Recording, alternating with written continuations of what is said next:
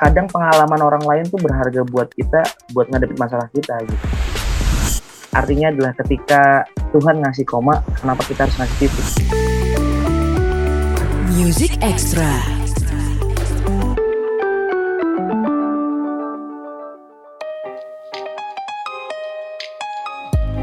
Halo good friends, masih ada Music Extra barengan gue Reno Aditya uh, anyway, berapa sih umur kalian sekarang? Kalau ini pertanyaan pertanyaan umum ya, pasti yang mendengarkan podcast ini saat ini umurnya mungkin sekitar 25-an sampai 35, bahkan mungkin ada yang udah memasuki umur uh, 40 gitu. Setiap setiap kita memasuki umur-umur tertentu kan biasanya ada hal yang mengganggu pikiran kita. Jadi ketika gua dulu memasuki usia 30, gue sempat nggak bisa tidur berhari-hari, kayak sering bangun terus uh, tengah malam terbangun dan gak ngantuk tapi pikiran gue kayak aduh ntar seandainya gue nikah gitu one day gue bisa nggak ya uh, menghidupi keluarga gue gitu. Apakah penghasilan gue cukup atau enggak ya? Uh, apakah pekerjaan gue akan establish atau enggak ya? Gitu. Itu itu adalah pemikiran-pemikiran orang-orang yang udah mulai memasuki usia pernikahan. Sebenarnya 30 udah terlambat ya bisa dibilang bukan awal lagi ya. Cuman kan eh, yang kita bahas bukan soal itu. Jadi setiap setiap fase umur kayak masuk ke umur 20, 30, 40 atau quarter life crisis, gue pernah ngobrol sama seorang musisi cewek, dia mengalami quarter life crisis yang cukup hebat, tapi untungnya dia bisa bangkit lagi. Jadi dia ngerasa nggak percaya diri, nggak mau uh, berkarya lagi gitu. Tapi itu tadi, ternyata ada fase-fase di mana kita merasa insecure sama hidup kita Nah, kali ini gue punya teman, namanya Glenn Clifton, seorang penyanyi baru, good friends, yang baru merilis sebuah single yang berjudul Kisah, yang menceritakan kisah hidup dia di awal 20 tahun umurnya. Di saat itu dia kayak uh, punya masalah yang ngebuat dia kayak, kayaknya mendingan gue udahan deh hidupnya. Gitu ya Glenn ya? Bener. Bener kan? Padahal itu masih yeah. 20. Gue umur 20, ya elah, mikirin mah, masih mikirin besok gue jalan sama cewek gue ke mana ya gitu. Tapi tapi ya itu tadi semua orang punya fase masing-masing dalam hidupnya. Nah Betul. gue yakin yang uh, good friends juga saat ini yang mendengarkan mungkin sedang menghadapi krisis hidupnya masing-masing. Apakah itu besar atau kecil ya ukurannya kan nggak nggak ini ya uh, nggak pasti ya. Semua orang punya ukuran masing-masing untuk menilai masalah dia itu besar atau kecil. Nah, begitu juga dengan Glenn Good Friends pada saat berumur 20-an dia sempat berpikir untuk lompat dari kereta untuk bunuh diri. Berarti ketika itu lo ngerasa masa lalu gede banget. Iya, banget banget ya. Karena mungkin di umur segitu ya bener kata ini kayak bener orang tuh lagi mikirnya mungkin pacaran, nah mungkin ya masih bener-bener kayak yang have banget gitu. Tapi gue waktu itu kena masalah yang istilahnya kayak uh, gua tuh udah nggak sanggup gitu. Maksudnya kayak bener-bener semua masalah yang paling berat di dunia tuh kayak ada di gua. Karena gua waktu itu ngerasa gua ngeliat teman-teman gue yang lain pun di umur gua kayak ya lagi pacaran lah lagi yang lagi senang-senangnya gitu ya? Lagi senang-senangnya gitu. Terus gua kayak mikir gue pernah punya pikiran negatif ke Tuhan kayak lu kenapa gue yang begini? Eh kenapa gue yang gini sih gitu? Kenapa mm -hmm. harus gue gitu? Sampai yang gitu-gitu kan. Itu dan gue sadar kayak ternyata mungkin saat itu banyak ya orang yang kayak gue cuman nutupin dengan hmm. hal-hal bahagia dia gitu. Cuman kalau mungkin kita gali lagi sebenarnya masalah yang lebih berat dari gue banyak. Gitu benar. Dan dan itu yang salah satu jadi trigger gue untuk mulai uh, apa ya belajar berbagi kisah sama orang lain sharing sama kanan kiri gitu. Karena uh, kadang pengalaman orang lain tuh berharga buat kita buat ngadepin masalah kita gitu exactly. Karena uh, gini guys Nah, saat kita menghadapi masalah ya kadang-kadang kita lupa kalau kita itu juga punya uh, hal yang menyenangkan dalam hidup. Tapi setiap itu menghadapi iya. sebuah masalah hal-hal yang menyenangkan tadi akan hilang berganti dengan masalah. Padahal belum tentu masalahnya lebih besar daripada kesenangan yang sedang kita jalani. Kesenangan lah dalam dalam bahasa umumnya. Dan itu mungkin lo rasain pada saat itu ya. Banget banget banget. Jadi kayak bener-bener semuanya tuh berhenti di masalah sih gitu. Walaupun okay. waktu itu kayak gue sebenarnya pas umur segitu tuh lagi lagi mulai uh, eh, gue nggak pernah bisa bikin lagu nih. Nggak mm -hmm. pernah bisa bikin lagu sampai di titik itu yang gue ngalamin down banget. Itu gue mulai produktif bikin lagu justru. Dan gue ngerasa mimpi gue tuh sebenarnya dibangunnya dari titik terendah itu. Jadi pas gue uh, sekarang di titik sekarang terus gue flashback ke belakang mungkin masalah itu yang bikin gue sampai sekarang sih jadi kayak uh, gue nggak ngalamin kayak gitu mungkin gue nggak bisa bikin lagu yang kayak gini gitu yang gue nggak akan pede sampai sekarang gitu. Tapi ntar kalau lo terlalu happy jadi nggak bisa bikin lagu lagi kan enggak ya? Iya tapi jadi harus cari masalah dalam hidup ya? Harus cari masalah jadi, dalam hidup. tapi kecenderungannya gitu gue jadi kayak bikin lagu seneng tuh susah banget bener e, susah banget emang harus lagu sedih terus jadi oke okay. jadi lo harus mengingat-ingat kepahitan ketika itu berarti ya jangan iya. menciptakan masalah baru jangan menciptakan kesedihan baru dong kalau gitu tapi gini Glenn ini kan udah berlang sudah ber uh, sudah lewat enam tahun yang lalu oke okay. lo bisa bilang kalau diri lo udah bisa mengatasi itu gak sih dengan baik saat ini dengan baik belum ya cuman hmm. gue sedikit-sedikit udah bisa mengatasi gitu jadi uh, ini seru banget sih maksudnya gue gua kemarin sempet kayak ngobrol sama banyak orang yang pernah di titik pengen bunuh diri kayak gue juga mm-hmm. dan ada satu dua kata yang emang nancep terus sampai sekarang gitu. Jadi ternyata gue baru tahu bahwa uh, ini dari lingkungan sekitar gue justru. Uh, kadang kadang ada orang yang pakai apa ya pakai tato di sini tuh titik koma titik koma gitu. Okay. waktu itu nggak sengaja aja tanya gitu. Lu kenapa? gitu. Ini kok tatonya titik koma gini gini gue dulu sempet mau bunuh diri gitu. Cuman gue okay. udah udah bisa fight nih maksudnya. Udah nggak nggak di momen itu gitu. Mm-hmm. Dan ternyata memang ada gerakan namanya semikolon gitu. Semikolon itu buat orang-orang yang berjuang uh, ngelawan bunuh diri itu. Jadi, Hasrat untuk bunuh diri tadi ya? Iya, jadi semikolon itu ditandainya sama titik dan koma, dan ini artinya bagus banget. Titik koma itu ternyata uh, kalau gue tanya, uh, artinya adalah ketika Tuhan ngasih koma, kenapa kita harus ngasih titik gitu.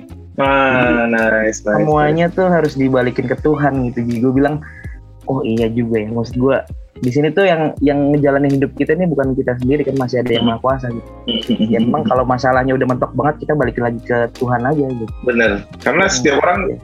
ketika ini ini ini ini klise itu terjadi sama semua manusia gitu kan. Ketika kalau bahagia lu lupa sama Tuhan. Tapi ketika lu sedih iya. tempat pertama yang lu datengin adalah Tuhan. Betul. Nah, itu fakta. betul betul betul. Fakta itu fakta itu fakta banget. Fakta. Nah, lu masuki quarter life umur 25-an, 26-an biasanya di situ ada, ada mungkin ada semacam krisis lagi identitas lah. Oke gue jadi apa nih? Gue udah berumur sekian. Gue mau ngapain? Gitu gitu kan. Ah, lu sempat berpikir seperti itu nggak? Uh, berpikir seperti itu nggak? Karena gue pernah baca nih di satu artikel. Kalau nggak salah gue dapat dari Instagram awalnya.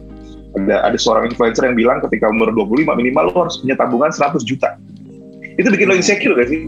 Gila tabungan gue harus boro-boro 100 juta gitu kan. Nabung juga nggak pernah misalnya gitu. Iya banget sih sebenarnya. Jujur banget. Jadi kayak lu, sampai detik lu ini lu merasa gagal nggak? Lu merasa gagal nggak? Gila gue dari lima gak punya tabungan 100 juta nih. Gagal nggak? Cuman insecure ya gitu kayak iya, iya, iya. jadi kayak gue ngerasanya gini uh, eh, gue main musik gini kan sebenarnya memang ini mimpi gue gitu. Cuman kan di sisi lain gue harus punya istilah ada kanan kayak ya balik lagi nih.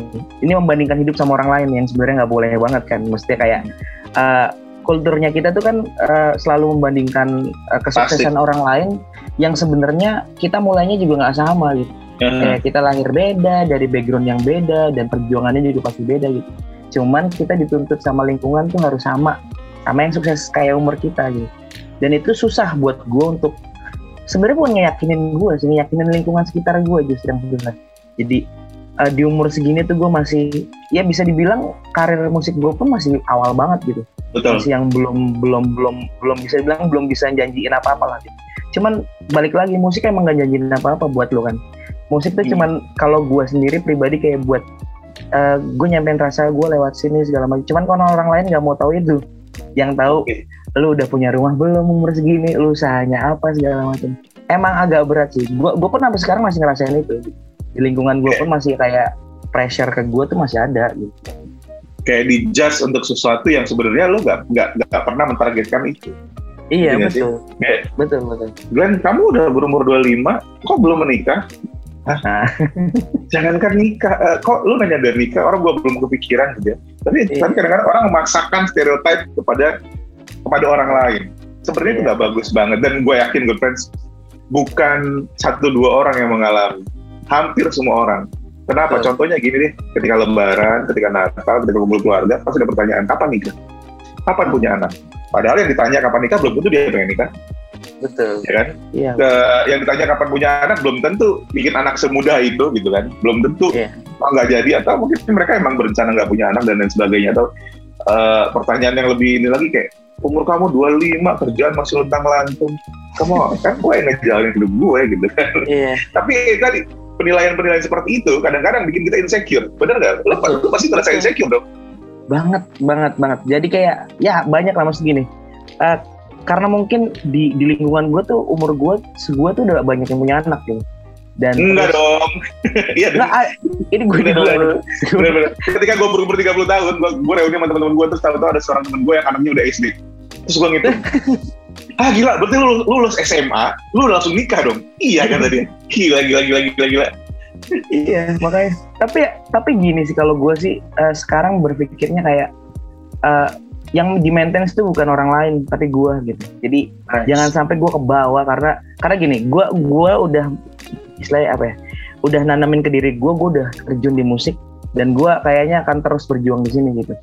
Mm-hmm. once nanti gue berhasil atau enggak yang penting gue nggak nyesel nantinya gitu karena banyak kesempatan yang mungkin kalau misalnya gue nggak lakuin sekarang gue akan nyesel nanti nantinya gitu yang penting mm-hmm. sekarang gue mikir kayak uh, gue jalanin apa yang gue bisa sisanya biar Tuhan yang ngatur gitu karena gue percaya banget bahwa perjuangan tuh gak akan pernah ngianatin hasil gitu jadi hmm. itu yang gue pegang sekarang dan kalau untuk ke orang tua syukur alhamdulillahnya ke orang tua gue tuh orang yang support banget sih soal gue main musik segala nggak pernah nuntut cuman ya. yang agak ribet tetangga sama saudara sih. Iya itu tadi. Orang tua kita bapak ibu kita sebenarnya nggak terlalu ribet sama kita. Ya udah iya. mereka maklumi anaknya oh belum mau nikah. Oh masih uh, uh, belum settle kerjanya tapi udah cukup menghasilkan jadi mereka maklum yang yang nggak memaklum itu adalah orang-orang yang nggak terlalu kenal sama kita. Kayak tetangga tapi ya Betul. tapi ya seperti itulah. Itulah kita. Gue bisa bilang oke okay, mungkin salah tapi gue bisa bilang orang Indonesia itu begitu tuh gitu. terlalu ya. peduli sama urusan orang lain padahal ya, itu tadi kadang-kadang itu mengganggu orang yang direcokin urusannya ya kan kita nggak pernah tahu loh ketika lu nanya misalnya kok lu belum ini, kok lu belum itu, kita nggak pernah tahu perasaannya. Apakah dia senang ditanya seperti itu? Apakah apakah itu adalah pertanyaan yang layak dia dengar atau enggak? Itu good friends. Music Extra.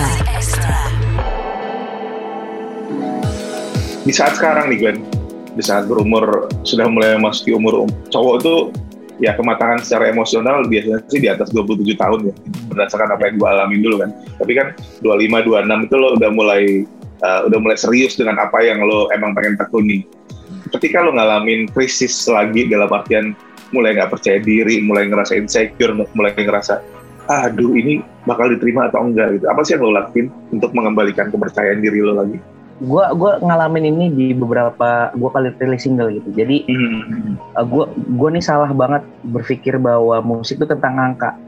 Jadi hmm. dari dulu tuh gue selalu berpikir kayak gue habis rilis gue selalu jadi ada Spotify artis gue tuh pantangin terus tuh yang denger gue berapa yang ternyata itu tuh bikin gue akhirnya nggak pede sama karya-karya gue yang dulu udah gue bikin gue punya mimpi gue akan nyanyi di depan orang gitu betul, betul, betul, itu, itu jadi penyakit justru makanya dan akhirnya gue punya cara adalah kalau malam tuh gue uh, lihat perjuangan gue yang dulu-dulu gitu gue kok hmm. sampai di titik ini tuh ini sebenarnya progres enggak sih gitu.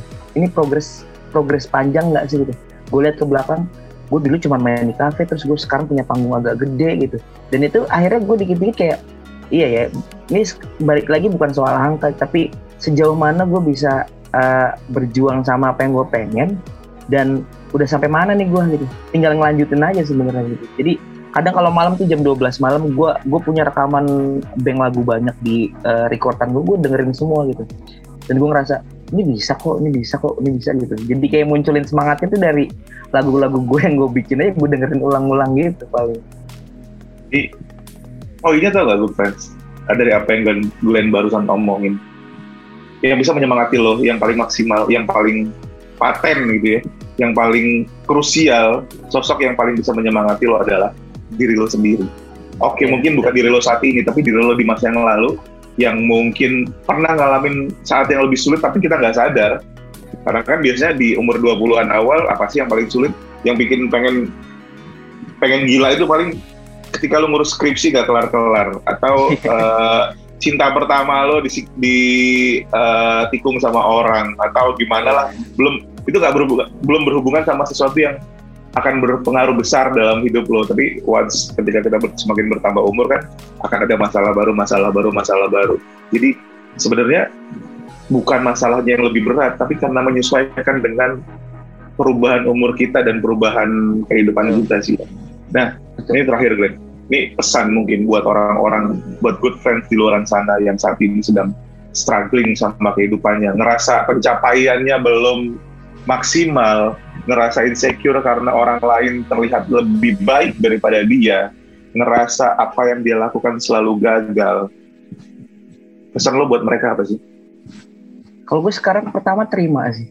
Mm-hmm. Jadi kayak lu jangan nolak. Mungkin gini, lu orang tuh gagal wajar gitu.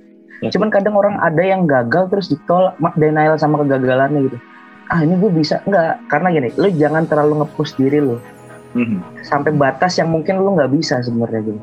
Yang lu harus terima adalah lu terima dulu masalahnya, lu belajar dari masalahnya, terus lu lihat nih kadar yang lu bisa sampai mana, lu kejar lagi gitu. Jangan ah. jangan karena lu karena orang lain nyampe di 100 padahal nih kita harus nilai diri kita juga kan kemampuan lu cuma 80 lu push terus sampai ke 100 ya nggak akan bisa juga kasihan orang kasihan diri lu sendiri gitu. Yang gue belajar adalah kayak pertama kali gue kena masalah dulu gue terima dulu masalahnya. Gue terima dulu gue kalah gue terima dulu masalahnya. Setelah itu gue cari temen buat ngobrol. Ini gue kalau kena masalah gini harusnya gimana gitu. Terus kayak lu jangan pendem sendiri J jangan pernah pendem masalah sendiri gitu. Karena itu ngerogotin tubuh lu ngerogotin pikiran lu gitu.